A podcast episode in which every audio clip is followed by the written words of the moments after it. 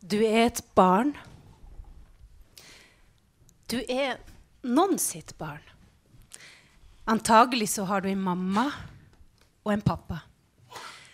Og antagelig så gjorde de sitt beste for at du skulle ha det bra. Hvis foreldrene dine hadde gått fra hverandre, så bodde du antagelig mest hos mamma. Og så traff du han pappa annenhver helg.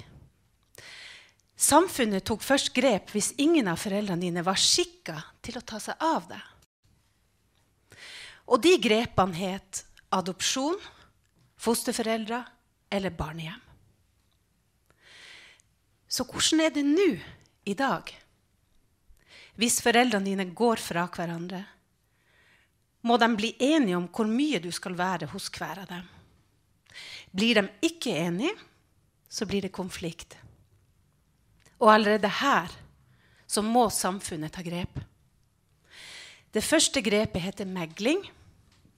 Det funker hvis begge foreldrene dine blir, eller de vil bli enige. Hvis ikke så heter grepene advokater, sakkyndige og rettssak. Og kommer det først så langt som til en rettssak, så er det én av dine foreldre som vinner. Og så blir det bostedsforelderen. Og bostedsforelderen skal bestemme hvor i landet du, kan bestemme hvor i landet du skal bo. Kan velge hvilken skole du skal gå på, hvilket trossamfunn du skal tilhøre. De skal motta barnetrygda di og barnebidrag fra taperen, som er den andre forelderen din, samværsforelderen.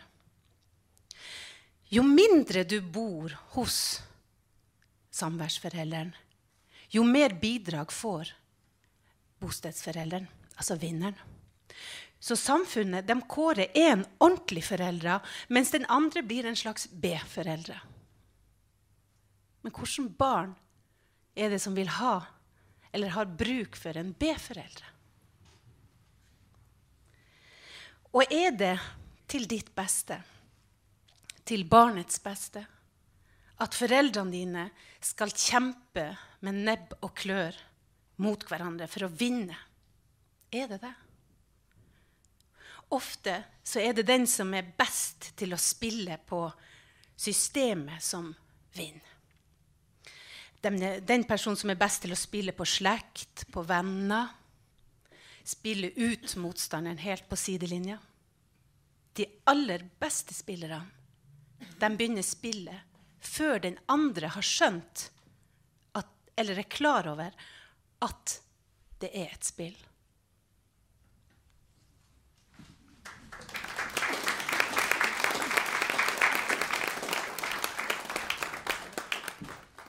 det Dere nå, velkommen alle. Eh, velkommen til fremmøtet her, og velkommen til de som følger oss på, på strømming, eh, som det heter, rundt omkring i landet. Um, dette er altså Riksteatret som har organisert uh, denne begivenheten. Og det er fordi at vi skal gjøre dette stykket, som dere ser plakaten på her. Um, og det er, uh, som også da plakaten røper, det er Gøril Mauseth som, uh, som, spiller rollene i dette stykket. det har én aktør, men det har et spektrum av skikkelser og medvirkende som vi da skal komme tilbake til i løpet av denne timen, som er viet denne produksjonens tematikk. Um, og det er tematikk som er poenget. Uh, dette stykket har vi valgt uh, ut fra et ønske om å sette på dagsorden, eller bidra til dagsorden uh, på dette feltet. på et felt som vi opplever som veldig krevende, og samtidig et felt som angår de aller, aller fleste av oss. Om ikke man står oppi det selv direkte, eller har vært berørt av det skal vi si, gjennom sin oppvekst, så kjenner vi noen. eller står nær nok til å være kjent med dette som en utfordring langt langt forbi hva de fleste kan takle alene. Eh, da er det å tematisere det også gjennom en teaterforestilling, en teaterforestilling som skal over det ganske land, eh, det er bidrag til å prøve å gjøre noe med det. Men det er eh, fagfolk som ikke holder på med vårt fag, som er underholdning i ordets veldig brede forstand. Underholdning i betydningen engasjement og engasjering. Men det er folk som lever for og av å uh, bistå mennesker med denne typen utfordringer um, og familier med denne typen utfordringer. Og vi har fått med tre av landets fremste uh, til å samtale omkring dette på bakgrunn av forestillingen som vi da skal gjøre. Um, og det er, Nå tar jeg dere bare i den rekkefølgen vi stilte dere opp tilfeldigvis. Det er Frode Tuen. Så Frode, kan du komme opp mens jeg nå snakker noe velvalgt om deg? Um, ja. Så setter du deg f.eks. der. Ja. ja. Si du må sette deg der, fordi at Gøril skal komme og bli med oss etterpå. Uh, Frode er jo da uh, psykolog og forsker og forfatter og formidler. Og jeg tror dere alle uh, er kjent med ham, ikke minst da fra, fra hans ukentlige bidrag i, i Aftenposten. Uh, og nå er jo Aftenposten også da, eller A-magasinet det følger jo med aviser rundt omkring i hele landet. Så du har jo et nedslagsfelt over hele landet med, det, med den populære, skal vi si, populærvitenskapelige virksomheten som du begår der. Uh, og du har jo vært beskjeftiget med dette feltet i veldig spesiell og tydelig grad. Både som forsker og som formidler, og som terapeut. Ja. Um, og så er det Helle Båtsvik, som uh, for anledningen kommer fra Drammen. Um, men jeg tror ikke du er fra, er du fra Drammen? Ja. Fra Oslo. Um, hele, hun røpet for meg, for det var ikke jeg klar over, men hun har, også, er, hun har egentlig bare vært et år i, i, spesifikk faglig plassering når det gjelder dette feltet, som, altså i familieverntjenesten i, i, i, Buskerud, eller altså Drammen og Kongsberg. Um, hvor hun står midt oppi dette, altså virkelig på, på slagmarken. Det var kanskje Slagmarken? Vi kan si det. Ja, slagmarken. Ja. Ja. Men du har jo også et langt, allerede et langt faglig liv i, i, i altså familie, eh, eller ungdom og oppvekst. Psykisk helsevern for ungdom og barn. Ja, Og barn også, naturligvis. Og så uh, er det Hedvig Montgomery, um, som um, uh,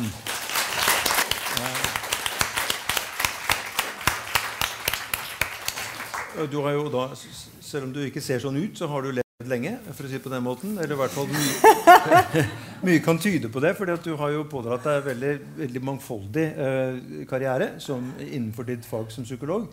Um, jeg var faktisk sånn, jeg støtte på henne da jeg begynnende i faget, da jeg var med på en virksomhet som skulle nedlegges. Da kom hun som organisasjonspsykolog og skulle sørge for at det ble levelig for de som var berørt av det. Men uh, nå er det jo helt andre typer uh, problemer og utfordringer uh, som du beskjeftiger deg med på daglig basis. Og så så jeg også på Wikipedia det er noe som heter De, de Hedvig-metode. eller noe sånt, Stemmer det?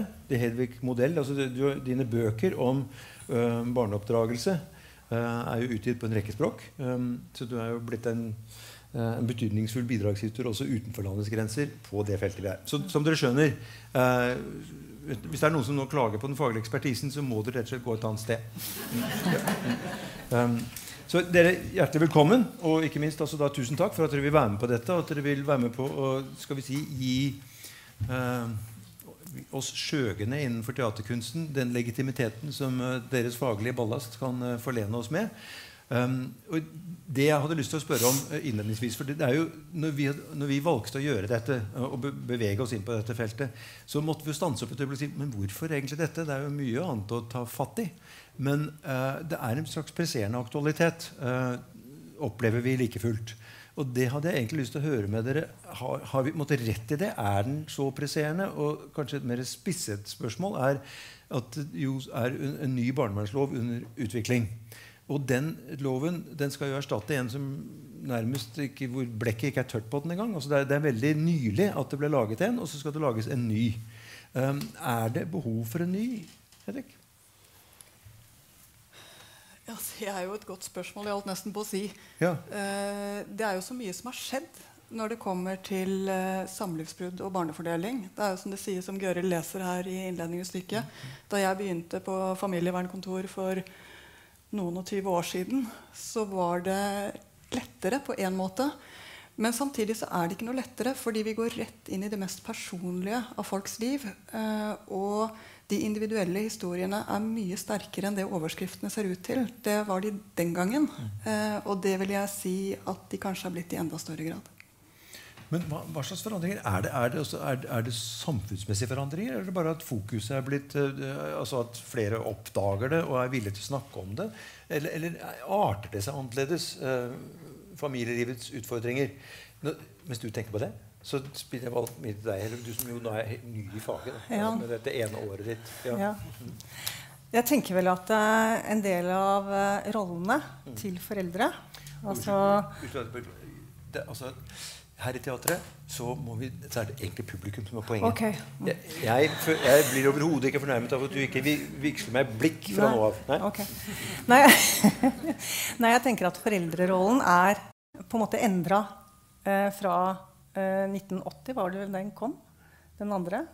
Eh, til at det skal lages en altså Fedre har jo meldt seg på banen på en helt annen måte. Eh, jeg tror at man reiser tilbake, og Den gangen jeg var barn og mine foreldre eh, skilte seg, så var det helt naturlig at det var mamma som man skulle bo hos. Nå er man jo mye mer bevisst papparollen. Og så er det jo sånn at vi må svare opp internasjonale konvensjoner en mye større grad. Og man vet jo at nå ligger det 22 saker i Strasbourg, barnevernssaker, og venter. 22? 22. Og så er det vel også sånn at jeg tenker at eh, vi er mye mer bevisst tror jeg, og kunnskapsrike på at barn må ha en medbestemmelse, og barn må høres. Og det er jo den nye loven eh, har satt veldig på, på, tapeten. Og så er det dette med vold og sikkerhet. Eh, at en ønsker eh, å ta mer på alvor vold og sikkerhet. Så jeg har eh, veldig tro på at, eh, at den kan bringe med seg noe som er veldig bra da, på veldig mange felter. Altså Loven er ikke kommet ennå? Nei. Nei. Er, det noen av dere som er med på å lage den eller spiller inn til den? eller noe som helst? Nei? Nei. Ja, Frode? Ja, altså, jeg har sittet i barnelovsutvalget i 2008. Det var sist, altså det har vært tre eh, revisjoner nå i de siste ti årene. Sant? Og så ble den revidert i 2015, og nå er på nytt igjen. Og Det har ikke skjedd så mye på de ti årene, bortsett fra at vi har blitt enda tydeligere på behovet for at begge foreldrene blir, får muligheten til å være til stede for barna, eller omvendt. Barna får muligheten til å være, eh, ha en, en, nær tilknytning til både mor og far.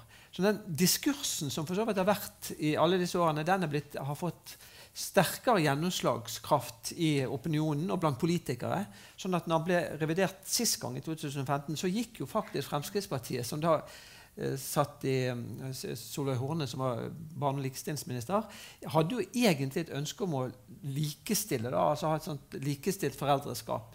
Men så var ikke politikerne klar for det. i hvert fall ikke de fleste av de. Sånn at når man nå tar den opp igjen, så er det jo fordi at man kanskje har gått enda et skritt lenger i, i retning av å se at barn er best tjent med et likestilt foreldreskap etter samlivsbrudd. Dette har du forskningsmessig belegg for, har du ikke det? Jo, absolutt. Ja. Og det er fint. Jo, absolutt. Ferdig med det. Ja. Ja. men, jeg tenker, men jeg tenker men, også men, bare skal føye til ett poeng. Altså, jeg tror jo ikke at lovverket kan løse alle disse utfordringene. For det, det, er, det er sammensatte problemstillinger, og det er komplekst. Men det å ha et lovverk som ikke favoriserer én i utgangspunktet, men at de i utgangspunktet står likt, det bidrar til å skape bedre muligheter for å komme frem til løsninger enn hvis man definerer en som A-forelder og en annen som B-forelder. Men, men, tenker du at dette med at barn skal høres, eller barns medbestemmelse jeg tenker jo også Det er en ganske stor endring som nå er blitt mye mer vesentlig. Vi er blitt mye flinkere med å tenke at det barnet selv formidler, er utrolig viktig i de sakene. Ja, absolutt. jeg tror at når jeg i hvert fall leste mandatet til den nye loven, ja. så tror jeg det sto nesten enda sterkere enn dette med Likeverd? Ja, like, likeforeldre. Ja. Mm. Sånn som jo, jeg forsto det. Ja da, og, og, og, de fleste barn de ønsker jo å ha noenlunde den samme tilknytningen eller samme kontakten med foreldrene. Og så er det selvfølgelig tilpasninger. Det er ikke sånn at det skal være matematisk uh, riktig fordeling. altså må være 50% av 50% der, Men det at foreldrene i utgangspunktet er likestilt, at ikke én kan på en måte ta seg til rette, da tar man også bort, eller bidrar man i hvert fall gjennom regelverket til å ta bort mye av det som tradisjonelt har skapt de største konfliktene. Så Du snakker om regelverket og loven som, som en føring? Som en føring, ja. ja. Men du, jeg merker en sånn litt todristing og litt sånn fremoverlent. Hva, hva hvor står du i denne saken?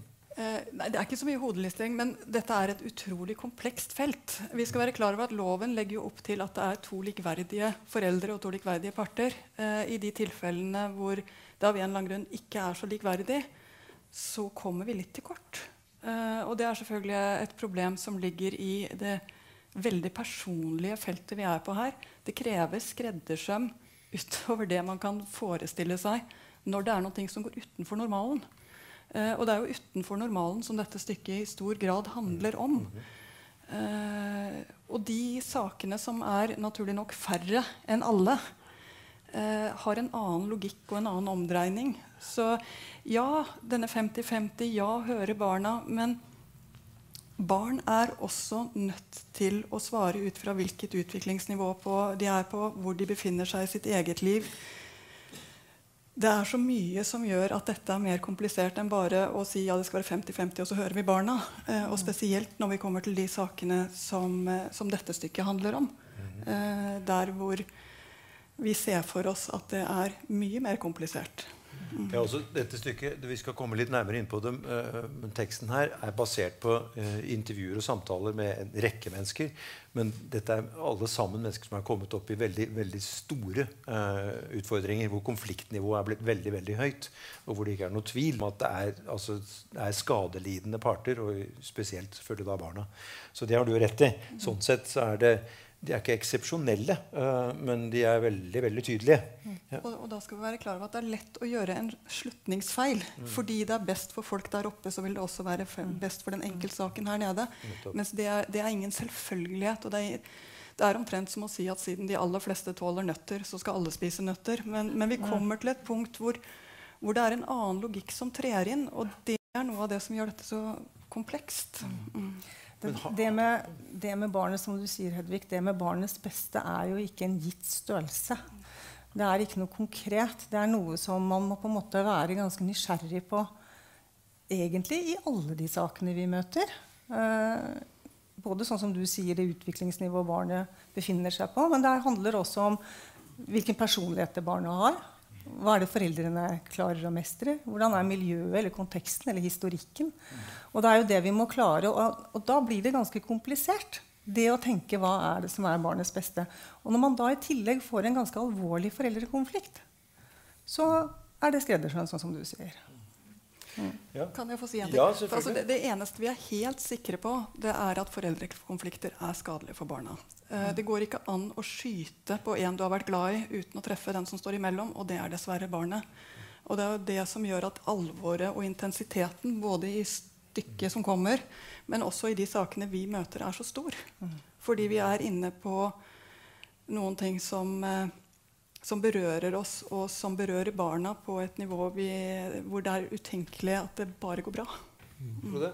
Ja, altså, og Det er helt opplagt at disse sakene som kommer inn under et stykke her, og ellers generelt altså de mest fastlåste sakene, de er veldig kompliserte. og som jeg sa i sted, det er ikke sånn at man kan løse de sakene gjennom lovverket. Men man trenger et lovverk som i utgangspunktet skaper minst mulig motsetninger. Og vi vet at det å være likestilt skaper bedre forutsetninger for å finne frem til løsninger i, sånn, i de fleste tilfellene. Det betyr ikke at det alltid gjelder. Men det er i hvert fall noe av det som kommer til å være slaget om i forbindelse med den nye barneloven. Altså, blir dette innført nå som en, en slags som et utgangspunkt når foreldre går fra hverandre. Akkurat sånn som Det er jo interessant nok for, for de som har fulgt med lenge. Altså når, når, øh, når, man hadde spørsmålet om foreldreansvaret, at det skulle bli delt, så var det jo masse folk som da protesterte og sa at nei, dette ville ødelegge, det ville skape masse problemer og konflikter mellom foreldre. Men så ble foreldreansvar innført som at Nå har man i utgangspunktet likt foreldreansvar, eller delt foreldreansvar når man går fra hverandre. Og det er ganske få konflikter i dag om foreldreansvaret.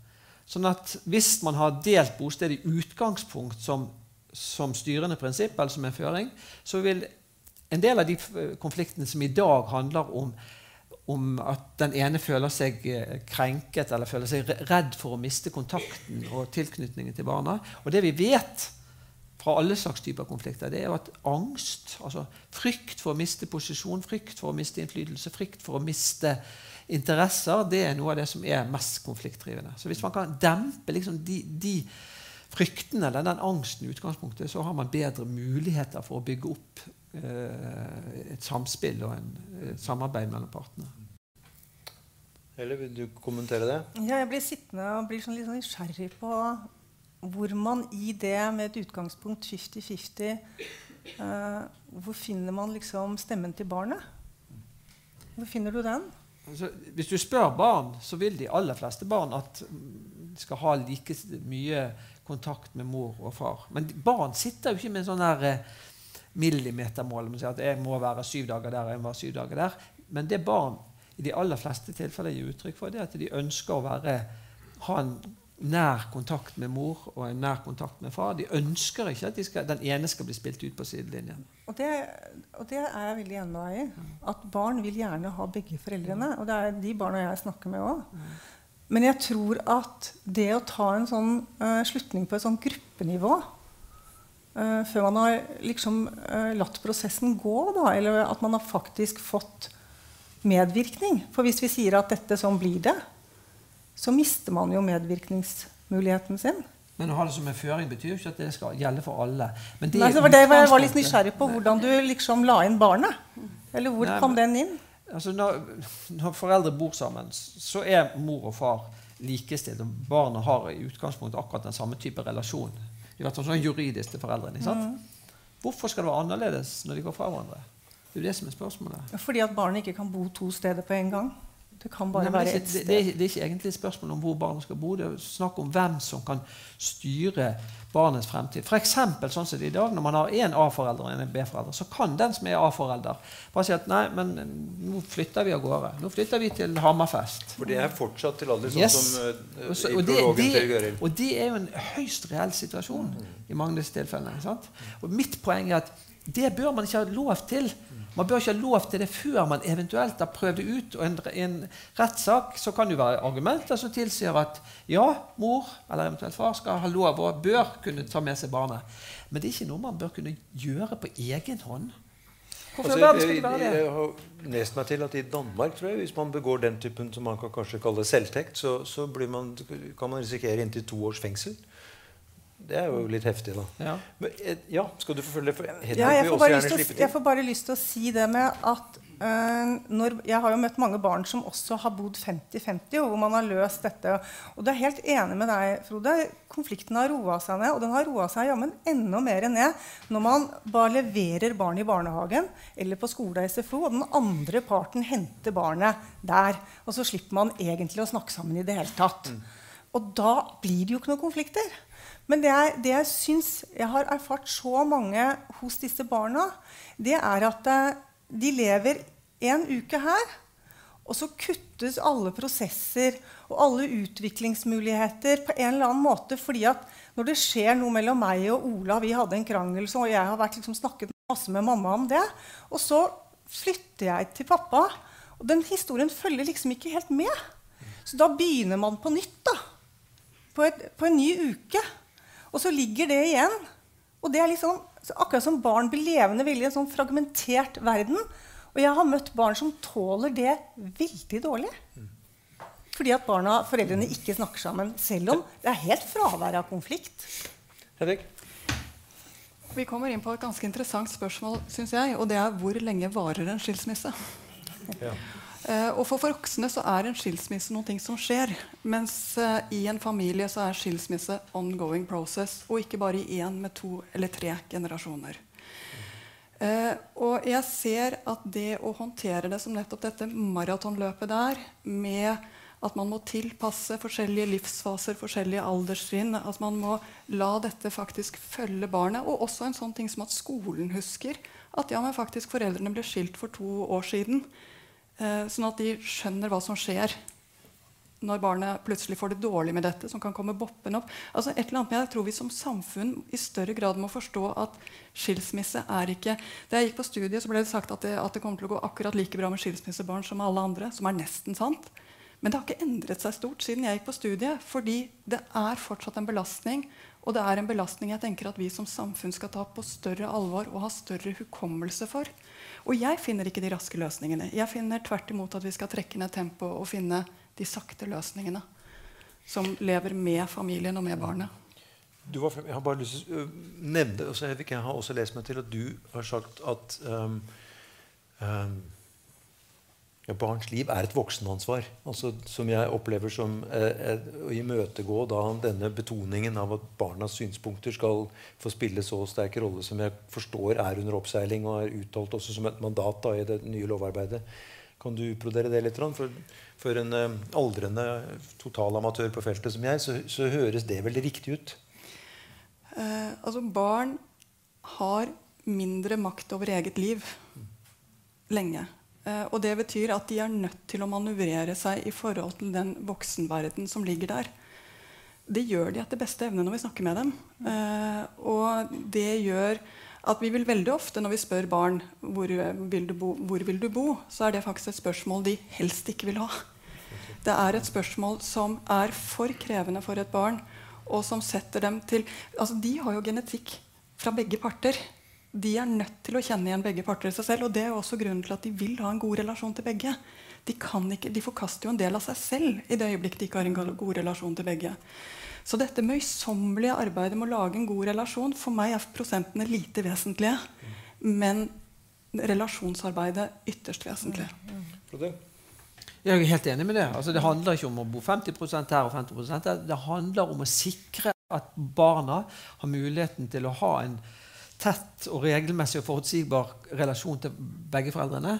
Og det hindres barnet i dag, mange barn, fordi at den ene parten har muligheten til å flytte langt av gårde med barna. Og det, det, er egentlig på mange måter det er det det koker ned til. I hvert fall er det et veldig vesentlig poeng. Hvis vi bare kan unngå det, så vil vi også kunne unngå mye av den frykten som ligger til grunn for de som da agerer og blir øh, vanskelige samarbeidsparter fordi at de er engstelige for at det kan skje. Og det skjer. Så, og ellers er jeg helt enig. Altså, uh, dette er jo noe jeg har forsket på i lang tid. Og vi finner jo altså at forskjellen mellom skilsmissebarn i dag samme, og andre barn er den samme i dag som man var på 60-70-tallet. Til tross for at det blir så vanlig. Det er så vanlig. Det er jo ikke det samme stigma, er det det? Nei, ikke det samme stigma, men de samme, uh, samme hva skal jeg si, lidelsestrykket. Ja. Det samme forskjellen hvis du sammenligner disse to gruppene. Okay. For skilsmissebarna kommer litt dårligere ut, sånn alt i alt. Og den forskjellen er, er den samme. Og, den, og det også, ser vi òg at den samme forskjell fra barna opplever en skilsmisse i tidlig barndom til ut i voksen alder. Dette er ting som jeg selv har forsket på. Sånn at Her vet vi ganske mye om hva som skal til for at barna utvikler seg, og hva som skal til for at det går bra. Uh, og Da syns jeg vi skal legge det som føringer, ikke som, ikke som, determinanter, at sånn må det være. Men dette er i hvert fall rammene rundt familiene når de velger å gå fra hverandre, eller når det blir et brudd. Nå skal vi slippe til um, Gøril med uh, et utdrag fra stykket. men har, for, det, vi, er altså på, vi er på et punkt hvor, hvor den sentrale, mange måter sentrale konflikten står. og hvert fall også i, ja, Hvor mange av dere er psykologer, forresten? Hvor mange av dere er i faget her? Ja, det er nettopp. Så da må dere tilgi meg hvis jeg nå fortsetter å fremstå som den amatøren jeg er på feltet. Men uh, dette med altså, uh, likeretten da, for, for, uh, for, to foreldre Jeg har, har inntrykk av Frode, at du har pådratt deg noe motbør ved å insistere på dette at det å ha to foreldre og tilgang til to foreldre det er viktigere enn mye annet og følgelig egentlig må fortrenge en del andre typer hensyn. Samtidig som i hvert fall i, i, min generasjon så var noe av det som var eh, begrunnelsen og legitimeringen av skilsmisser, var at for et barn å leve med konflikten i hjemmet i hverdagen mellom to foreldre, det var det verste. Så da heller fjerne én, så konflikten i hvert fall opphører eller kommer på lengre avstand. Er dette bare fordi at jeg fortsatt henger igjen i en uh, vann, skal vi si, vannkunnig fortid? Nei, det er lov å svare ja på det spørsmålet?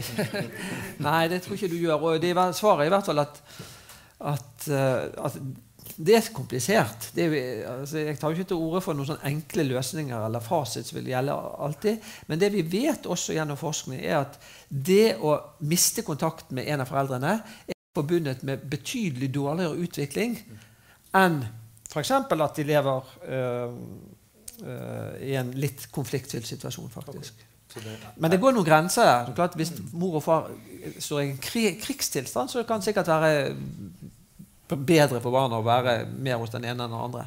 Men i utgangspunktet, altså i det store bildet så ser det ut at det å miste kontakten med mor eller eventuelt far er noe som øker risikoen for feil utvikling i ganske betydelig grad. Gøril, skal, skal du, gå rett på, og så kommenterer vi etterpå? Ja, jeg kan jo forsøke. Kunsten først, refleksjonen etterpå. Mm.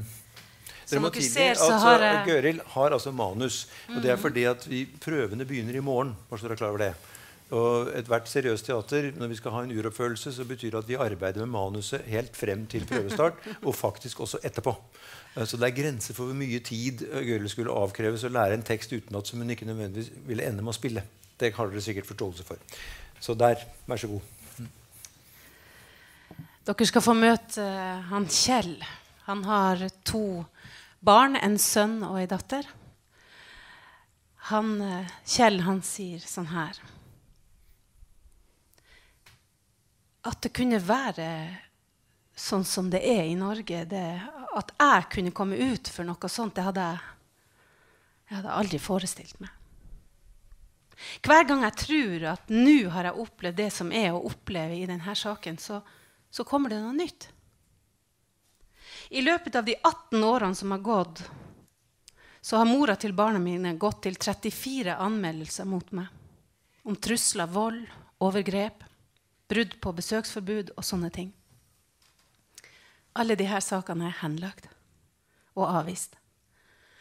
Det har vært 77 rettssaker om besøksforbud og om bosted, om samvær. Jeg tror jeg har 3000 eh, dokumenter i, i, saken. Det har vært en fulltidsjobb for meg å følge opp. Og bare det å svare på henvendelser og anklagelser og prosesskriv og osv. Så, videre. så skal vi gå videre. Til å begynne med så tok jeg ikke ting så alvorlig. For jeg stolte liksom på at systemet eh, ja, Og jeg trodde liksom da at rettssikkerheten i Norge og på likestilling, og kanskje også at mora skulle ta til vett og være litt fornuftig, det trodde jeg på. Men etter hvert, ja, som jeg sa i sted, når du tror at du har opplevd alt, så kommer det en ny omdreining. Ja, hun har jo eh, Hun har hatt fri rettshjelp hele tida fordi hun har tjent under det, den grensa som fins for det. Mens jeg, jeg har måttet betalt mine saksomkostninger og hennes utgifter. Også de gangene jeg har tapt. Ja, jeg har jo råd til det. Men eh, for en del mennesker her, kanskje noen av dere, så, så, så har dere faktisk ikke den muligheten. Og for en del så ja, det er faktisk et spørsmål om, om en har råd om en har råd til å ta den enorme risikoen det er for å kjempe for seg sjøl og for sine barns rettigheter. Det sier han Kjell. Ja, dette er omtrent slutten på stykket vårt.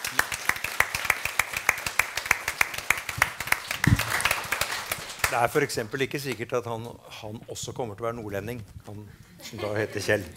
Um, dessuten så er det Han er altså ikke dame, han er mann. Bare så det også er klart. Um, Gøril, kan du si litt om hvordan dere har uh, skaffet tilfanget av skikkelser? For det, det, er sju personer i realiteten, er det ikke det? Nei, fem personer er det nå. Sju. sju.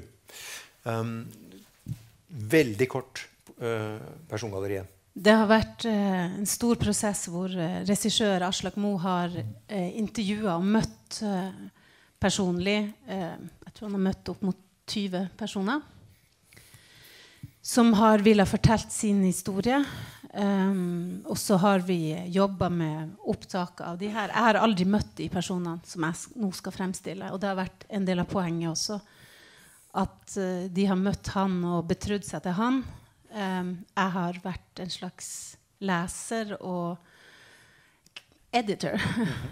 og har gått inn i alle historiene og sammen med Aslak. Da, og vi har da sett veldig mange likheter. Det går igjen og igjen og igjen og igjen de samme tingene. Det er helt skremmende. veldig smertefull, veldig vonde historier. Og mange er så fortvilt at det er nesten ikke mulig å forstå hva de sier.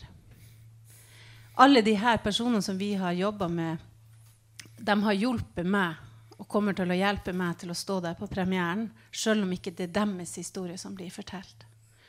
Det har vært enormt viktig for å eh, også ha en slags sånn sikkerhet Jeg har jo sagt til Aslak men det her er helt for usannsynlig. Du må gå tilbake og sjekke. Det her er ikke mulig. Det er ikke mulig. Her må du ringe en advokat og høre. Er det det det heter? Altså, vi har hatt Vi måtte også hatt en slags uh, hva heter, juridisk dramaturg på det for oss å forstå om, om, det vi sier, er riktig. For folk kan jo også fortelle ting som ikke er sant. Når du endelig får noen som hører på det, så får du vann på mølla, og da bare renner det ut av deg. Så vi har måttet dobbeltsjekke og gått frem og tilbake. Eh, og så har vi på best mulig måte nå prøvd å, å få frem de, de, tydeligste historiene som kan være med å, å, hjelpe de andre som ikke klarer å være så tydelige som de som er med i stykket nå. Nå har da hørt, altså Kjell er, på mange måter, Kjell er, er nesten den såbreste av, av persongalleriet. Uh, den som er mest reflektert både over situasjonen han har befunnet seg i, og sin egen måte å håndtere det på. Men allikevel er jo dette Det høres jo helt ekstremt ut. Er dette eh, noe dere kjenner igjen? Eller sånn Nei, dette ante jeg ikke. Uh, Edvard, har du vært borti en sånn skjebne i en, uh, i en tilsvarende sak? Altså, alle skjebner er jo sine egne. Og jeg må si en av de tingene jeg er veldig glad for med dette stykket, er at fordi vi får et fiksjonsstykke som rett nok bygger på sanne historier, men allikevel er en fiksjon, det gjør at det gjør det mye lettere å snakke om. Mm. Eh, og det åpner rommet sånn at vi kan snakke om disse temaene som kanskje ellers blir for individuelle til at de kan snakkes om. Det syns jeg er en av de virkelig sterke tingene med dette stykket, som, som, gleder meg. Om det kan gå så galt som dette? Ja, det kan gå så galt som dette. Eh, og det er dessverre noen ting av det som ligger i rettssystemet vårt er at det både er en forutsetning om likverdighet, og at man kan gå til sak igjen og igjen. Om jeg har vært borti akkurat denne saken? Nei, jeg har vært borti lignende saker.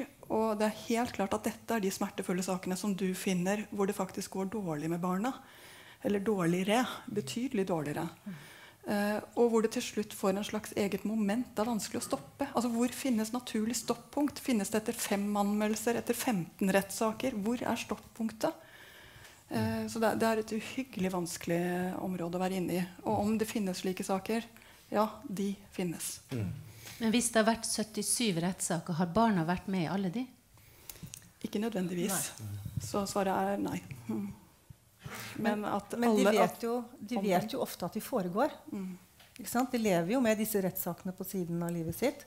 De blir jo informert om at det skjer, og helt sikkert gjennom mor og far og de som er rundt. Så de, selv om ikke de er i selve salen, på en måte, så berøres de ekstremt mye. Eller har du støtt på noen saker av denne art nå i det, i det seneste året, hvor du har vært mer midt oppi dette feltet? Ja, jeg, støtter, jeg har både støtt på disse sakene når jeg jobba i BUP-feltet. Fordi mm. vi tok jo mot de barna som var veldig syke. Mm. Uh, og som ikke ønsket å leve lenger. Uh, og vi hadde det var ganske sånn hvor de også for så vidt hadde mistet helt stemmen sin. Uh, de var blitt til ingenting. Da snakker du om barna? Ja. Hvor du, når du da spør de bare Hvordan er det for deg i dag liksom, å være her? Så, så høres det ut som en sånn bitte liten stemme som sier 'Jeg vet ikke'. Og den figuren i Ninni i Mummidalen som er blitt helt usynlig, er liksom sånn det har blitt. Eller eh, 'Jeg vil ikke leve mer. Jeg er ikke noe Fordi det blir også uløselig for dem. Og jeg tror også de ser ikke De lengter så etter det stoppunktet. Når skal det stoppe? Når skal jeg få fred? Og så er det jo ofte sånn at når de da først bor et sted, så kommer det en ny sak, og så finner de ikke roen. Ikke de kan ikke feste seg, på en måte, fordi at de vet at det er noe som er på gang. Hva slags råd ville du gitt ham hvis du traff denne som vi da kaller Kjell? Åh, det er utrolig vanskelig. ja, det var derfor jeg spurte. Ja, nei, da må man jo virkelig Jeg ville kanskje, uten at det er ikke sikkert at det hadde båret helt av sted, men jeg tror jeg ville i hvert fall lyttet veldig nøye til han. Uh, jeg hører jo en fortvilelse. Eh, men, eh, og ikke minst liksom Er det noen måte å kunne være pappa fra det punktet? Mm. Altså hvordan være pappa fra det punktet? Akkurat. Fordi du er fremdeles pappa. Mm. Ja. Det tror jeg ville vært eh, på jakt etter. da. Mhm. Frode, har, har du støtt på sånne saker som dette? Ja. Noen er jo så opprivende og opprørende at du, det er veldig vanskelig å ikke bli veldig berørt av dem. I perioder har jeg jobbet ganske mye med sånne saker, men da blir jeg òg så fylt opp av dem at jeg må ha avstand. Ja. For også som terapeut og sakkyndig så, så er det så vanskelig å på en måte håndtere dette rent emosjonelt. Så ja.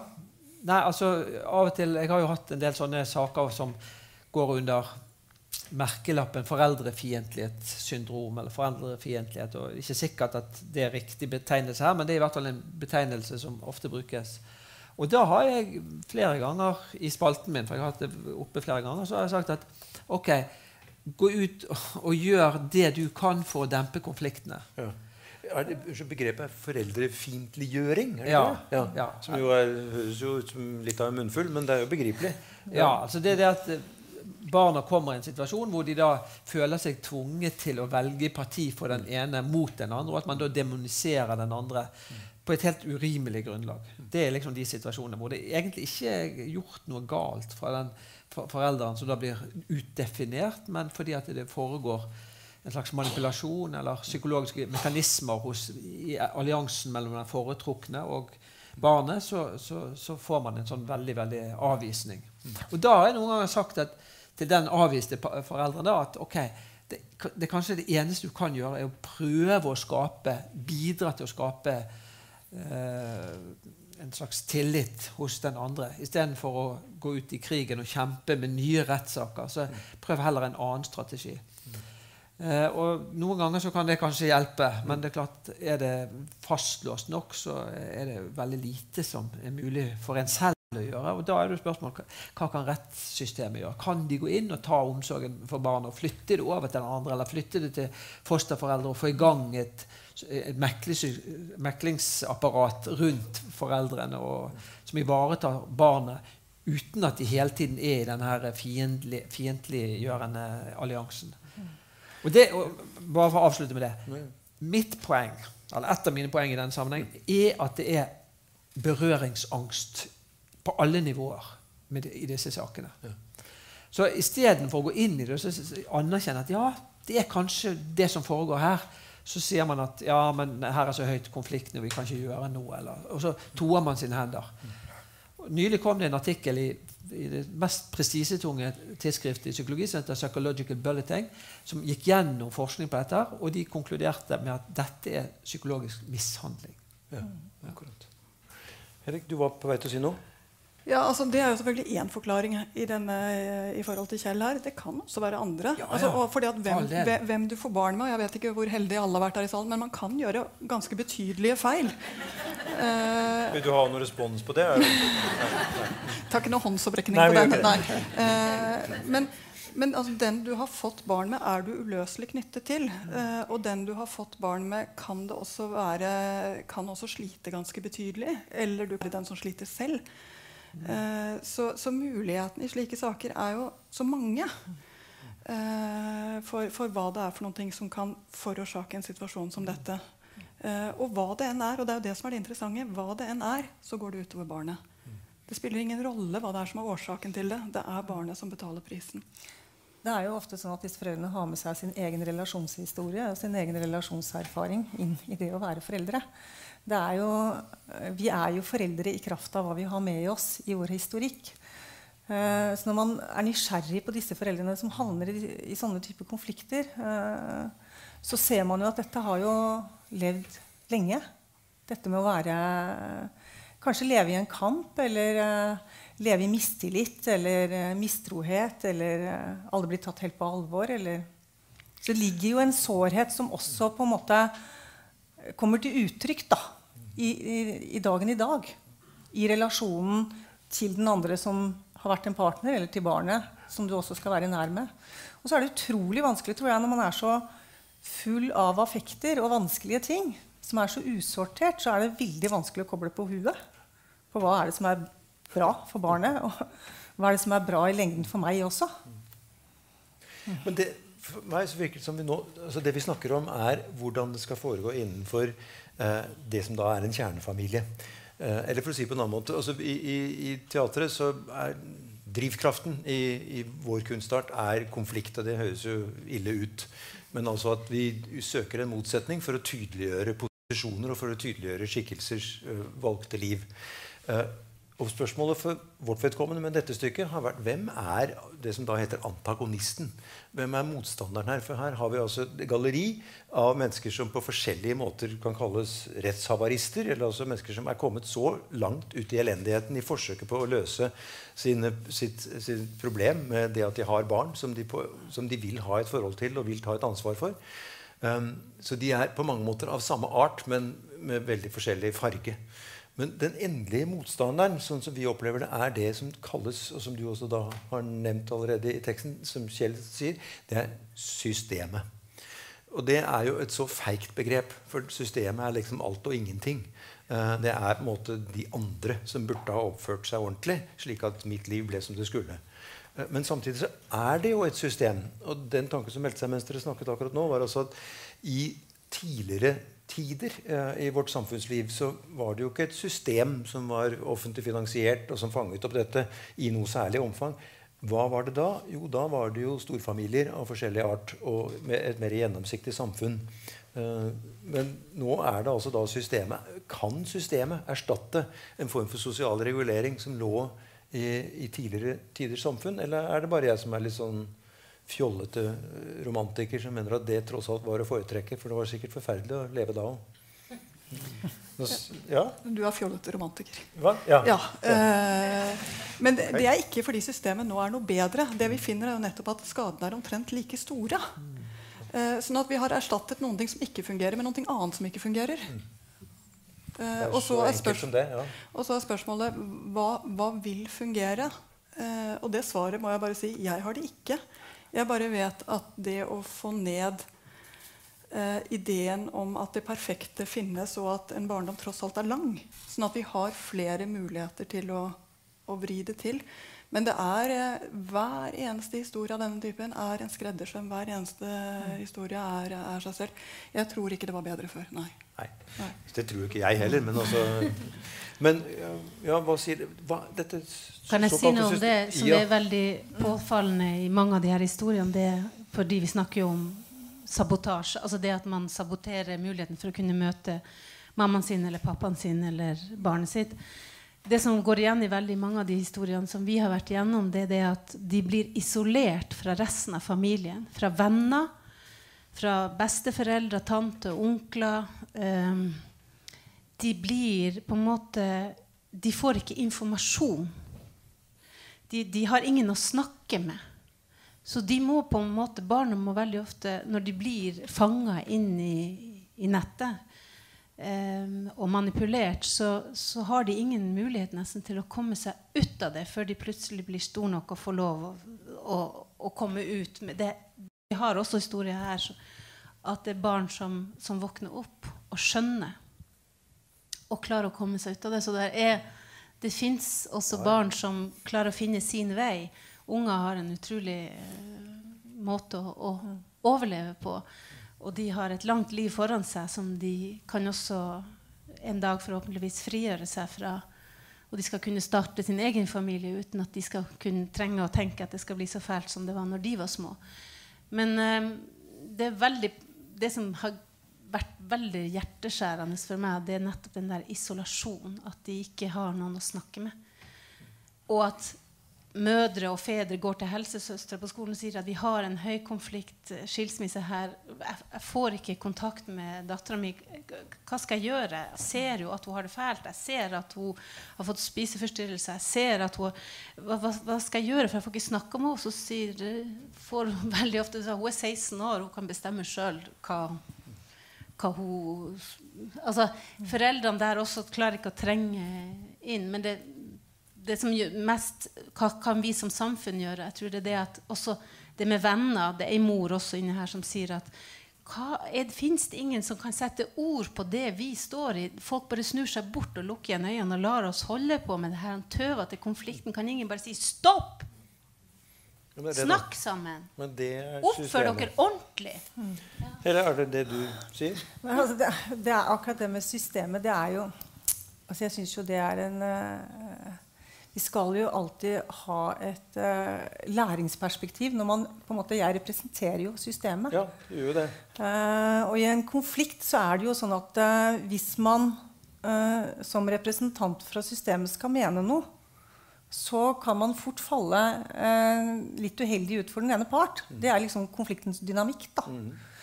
Eh, så det må vi det er, Jeg har heller ikke løsningen på det. Men jeg tror vi må være Vi må prøve å være så kloke vi kan, da. Men det jeg får lyst til å si til deg, med de barna som du beskriver så isolerte, så er det jo nå også oppretta eh, et eh, utvalg av regjeringen som skal se på familievernloven. Og et av de tingene som jeg har vært veldig opptatt av der, det er at eh, i dag så må, for at vi skal kunne snakke med barn, så må man ha samtykke fra begge foreldrene. Og det, det gjør jo at den forelderen som ikke vil, alltid vinner. Og hvis man er, er rimelig opptatt av unga, sånn som jeg er, så kommer man ikke til. Så- Og jeg vet at i, i psykisk helsevern så har man gått bort fra en sånn lov, og nå er det at vi må ha samtykke fra én av foreldrene. Og da er det ofte sånn at man kommer til. Så dette arbeider du for å få forandret? Madre? Ja, jeg har i hvert fall vært veldig tydelig inn til eh, familievernutvalget på det.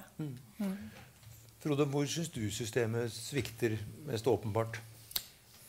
Eh, Det er nok på mange områder.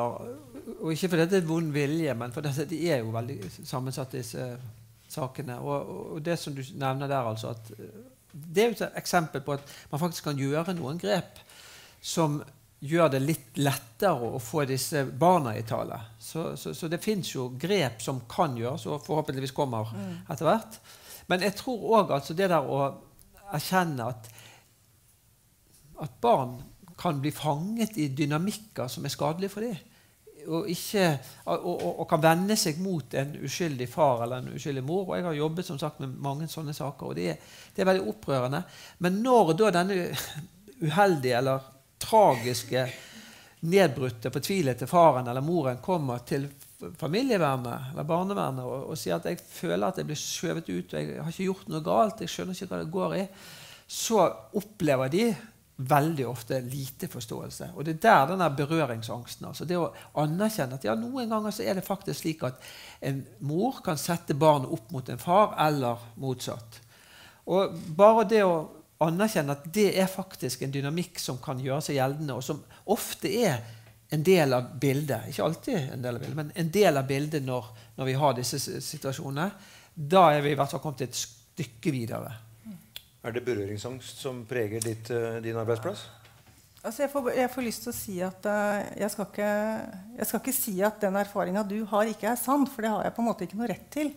Det jeg kan si, er at vi som jobber i hvert fall eh, i familievernet, er usedvanlig opptatt av å høre begge foreldrene. Og jeg har senest i dag sittet med en mamma og hørt henne helt ut. Fordi hun kanskje er stengt ute. Eh, og jeg tenker at det er også veldig nødvendig for å ivareta det barnet. Så jeg kan ikke kjenne igjen helt at de bare blir skjøvet bort og avvist av systemet. Men jeg skal ikke eh, si at du ikke har den erfaringa. Ja, Det er ikke meg personlig. Jeg bare budbringer for veldig mange av de som eh, står i det. Men, men det er jo ikke det at de ikke kommer til orde, men de opplever at deres historie blir ikke trodd eller blir ikke tatt hensyn til. sånn at man får legge frem sin sak, men så stopper det opp der. Og, og det er selvfølgelig også noe med kompleksiteten i disse sakene. For det er ikke så lette løsninger. Eller det er noen ganger ikke løsninger i hele tatt. Og da er i hvert fall én ting er jo at det også å vise helt tydelig at man anerkjenner den forelderen som er spilt ut på sidelinjen, sitt, sin eh, opplevelse. Og det er det mange som opplever at de ikke møter altså fra behandlingsapparatet. Eller før du slipper, jeg har lyst til å stille, eller i hvert fall belyse eh, noe. For det jeg da også har lest meg til, er at eller det er faktisk en av karakterene i stykket vårt som sier at, eh, som jobber i barnevernet, og som sier at eh, kvalifikasjonskravene eh, burde være høyere eh, for jobb i barnevernet. Men verre er at det er så stor gjennomtrekk at i snitt så er, er, er, folk ansatt eller knyttet til, til barnevernet i en barnevernsjobb i to år. Da ville jeg forstå at man får berøringsangst, for da har man rett og slett ikke skaffet erfaringen nok til å tåle eller stå imot eller ta en konflikt, eller gjenkjenne for den saks skyld hvor konfliktlinjene løper. Er det dette som er problemet? Altså, er det sant, det jeg har lest meg til i stykket vårt? Ja, ettersom dere ikke sier noe, så regner jeg med det. Det som jeg, jeg kan eh, våge å si, meg, si noe om det. Eh, Jeg tror at eh, de, barne, de som jobber i det lokale barnevernet, jobber med noe av det vanskeligste som fins. Det er jeg helt sikker på. Ja. Og de, eh, sånn sett, og de har ikke så Altså de har, de har en bachelor ofte. Mm. De har selvfølgelig noe videre og utover det. Men det som jeg syns kanskje hele også barnevernsloven legger opp til, det er jo at det er en saksbehandlingslov. Så hvordan få inn psykologien, hvordan få inn prosesstenkningen i hvordan barnevernstjenesten jobber, det syns jeg ofte er fraværende. Hvordan gjøre loven, som er todimensjonal, hvordan gjøre den tredimensjonal? Ja, hvordan, hvordan få med seg psykologien i det? Når, når mor har eller far har en tidligere historie som er vanskelig, så er det ikke liksom bare å bli en bedre foreldre, da. Nei. Det har jeg følt allerede behandlet, jeg nå. Ja. Er, er, du, for det første så rykker det stadig vekk i deg, så det er mulig at du nå brenner inne med noe som jeg ikke har fått øh, øye på. Men jeg har lyst til å spørre deg Du kan svare på begge deler. Spørre, hva, hvis, du skulle, hvis det var én ting du kunne forsikre deg om øh, ble en endring i, systemet øh, ved, ved din beslutning, hvilken ville det være? Jeg vil nok ha en forståelse i hele systemet på at de vanskelige sakene tar så mye mer tid. Eh, og at den mye mer tiden eh, gjør at systemet som er lagt opp til at det skal være raske avgjørelser, som så bare kan overprøves igjen, det fungerer ikke. Og så må jeg dessverre si en ting til, og det er at jeg skulle ønske at det fantes en rettferdig måte å dele barn på. Eh, og det finnes ikke. Jeg tror at det å likestille foreldrene er helt nødvendig. Men jeg tror samtidig at det er helt nødvendig å forstå at barn kan ikke bære den byrden der å bli delt. Barn er alltid ett. Og det må vi ta igjen og igjen eh, med de foreldrene som trenger det aller mest. Og det har vi tid til. Barnevernet, familiekontoret, familiekontorene gjør en fantastisk jobb. Barnevernet også. Det gjøres veldig mye godt arbeid. Eh, og jeg tror faktisk vi kan gjøre det enda bedre. Frode, er det noe Nei? Eh, ja, jeg er enig. Altså, det, gjør, det gjøres mye, mye godt arbeid, og jeg er enig i at det kan også gjøres bedre. Eh, og, men du, du nevnte dette med å få psykologi, eller kanskje du som nevnte dette med psykologien inn. Og, og det tror jeg òg kan være et veldig godt uh, grep. Men det er òg slik at blant en del psykologer så er, er det en sånn ganske tydelig motforestilling mot uh, altså, mot det som handler om foreldrefiendtliggjøring eller foreldrefremmedgjøring. Altså Når man kommer med den typen forklaringer, så er det ganske mange som rygger. Ja. Og der ligger et stort problem. altså. Vi må er anerkjenne at det skjer. Det forekommer. Det er ikke forklaringen, det er ikke løsningen nødvendigvis. Men det å anerkjenne at det forekommer, og at vi må ta det med i betraktningen når vi skal prøve å nærme oss disse sakene, da er vi i hvert fall kommet et skritt videre. Um, teatret har egentlig løsninger på alt. Um, så nå skal jeg by på en løsning som vi i teatret har. Og den er, altså fra uh, kinesisk dramatikk for ca. 2000 år siden. Uh, og så har den liksom gått som en vandrehistorie. Den har vært innom også da Bibelen og Salomo osv. Og, så og så havnet den hos Brecht til slutt. Uh, og hos Brecht så heter det Den kaukasiske krittsirkelen. Og der løses spørsmålet om omsorgsrett på følgende elegante vis. For det er da en krigssituasjon hvor eh, et, eh, en, en skal vi si, velstående mor eh, i angst for sitt eget liv så rømmer hun av gårde. eh, og barnet blir etterlatt. Eh, forbi kommer da nødvendigvis en, altså en tjenestejente uten midler som hos Brecht er fullt villig til å gå videre. For er, her snakker vi ikke bare noe sånn frittflytende emosjonell barmhjertighet. Her, her, snakker vi et menneske som også er opptatt av å overleve i en forferdelig situasjon. Men hun greier ikke å stanse. Uh, hun, eller hun greier ikke å gå videre. Så stanser hun, og så um, tar hun barnet med seg og løper videre. Og aner ikke hva hun skal gjøre med det. Det var, bare, det var et imperativ. Uh, når krigen er omme, så kommer da den velstående moren selvfølgelig tilbake. Freden senker seg, og hvor er barnet? Og hun får da vite at barnet er i, i forvaring hos denne tjenestejenta. Så møtes de, og hun forlanger å få barnet sitt tilbake. Og tjenestejenta eh, skjønner ikke helt hvordan det skal forsvares. Og så går de til en dommer, den gamle Astak. Og så sier han da tror jeg vi får gjøre en prøve på hvem av dere som skal ha dette barnet. Og så slår de en krittsirkel. Eller han gjør det. Og så eh, binder han to rep omkring det lille barnet. Og gir det ene repet ja, til uh, tjenestejenta og det andre repet til moren. Og så sier han nå får dere trekke, og den som får ungen, har ungen. Og da skjønner dere hvordan det går. ikke sant? Er det noen som er i tvil om hvordan det går, så må dere rekke opp hånden til skam og skjensel. Naturligvis tjenestejenta slipper, og Astak tildeler henne morsretten. Jeg mener ikke at vi har svaret på alt, men det er i hvert fall en måte å overstyre systemet på. Og samtidig et system som åpenbart forvalter sin oppgave med klokskap. Til forskjell fra en god del av de beretningene fra rettssaler og rettstvister som inneholdes i vårt stykke. Jeg vil bare si at Stykket er ikke en evig rettssak. Stykket er eh, Det er også faktisk absurd humor inni det her, hva folk utsettes for. Og de ser seg sjøl også i, i, hva de står i. Altså de, det er jo absurde ting vi gjør når vi er fortvilt.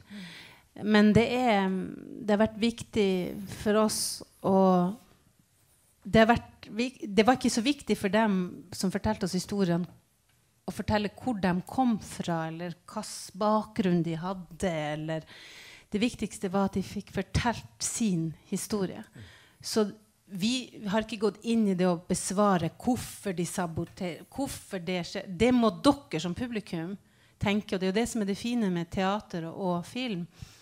Ved at man kan gå alene eller helst sammen med noen og se en forestilling eller en film. Og ta med seg den forestillingen håper og kan ses av, av i hvert fall ungdom. Som de kan få informasjon de kan se på noe som ligner på deres eget liv, for så kanskje tørre å åpne opp. For de skjønner at noen som har det enda verre, eller noen som har det ikke i nærheten så fælt som de har det, men at de kan kanskje med hjelp av kunst og teater og film så kan man også få i gang en, slags, en dialog hvor man kan få åpne ei elv ut i det store havet. Sånn at man kan få lov til å komme ut. Uh, så det er det Jeg vil bare si det er ikke en rettsprotokoll som jeg skal inn i nå i morgen. Jeg har grått meg gjennom det her nå uh, veldig mange ganger. Uh, og det skal jo jeg forhåpentligvis ikke gjøre, men det skal dere få lov til å gjøre. men det er tøft å jobbe med virkelighet. Det er jo det her er jo dokumentarteater i den grad vi kan kalle det det. For det, virk, det er ikke Ibsen eller Tolstoy. Det er ikke noen som har tenkt ut det her. Men jeg må bare si at noen ganger er virkeligheten mye mer dramatisk enn de største dramaene. Og det har vært veldig interessant. Og jeg er veldig glad for at dere har kommet så mange hit og hører på i dag. Og håper at dere kommer til å følge oss og være med og bidra til at dette blir en debatt, og at barnet blir hørt, og også at folk dere kjenner, folk som, som er berørt av et brudd, at dere tar til vettet og snakker til mora og faren. Og lytter til ungen eller ungene hvis de har behov for å snakke. Vær en venn, vær en voksen.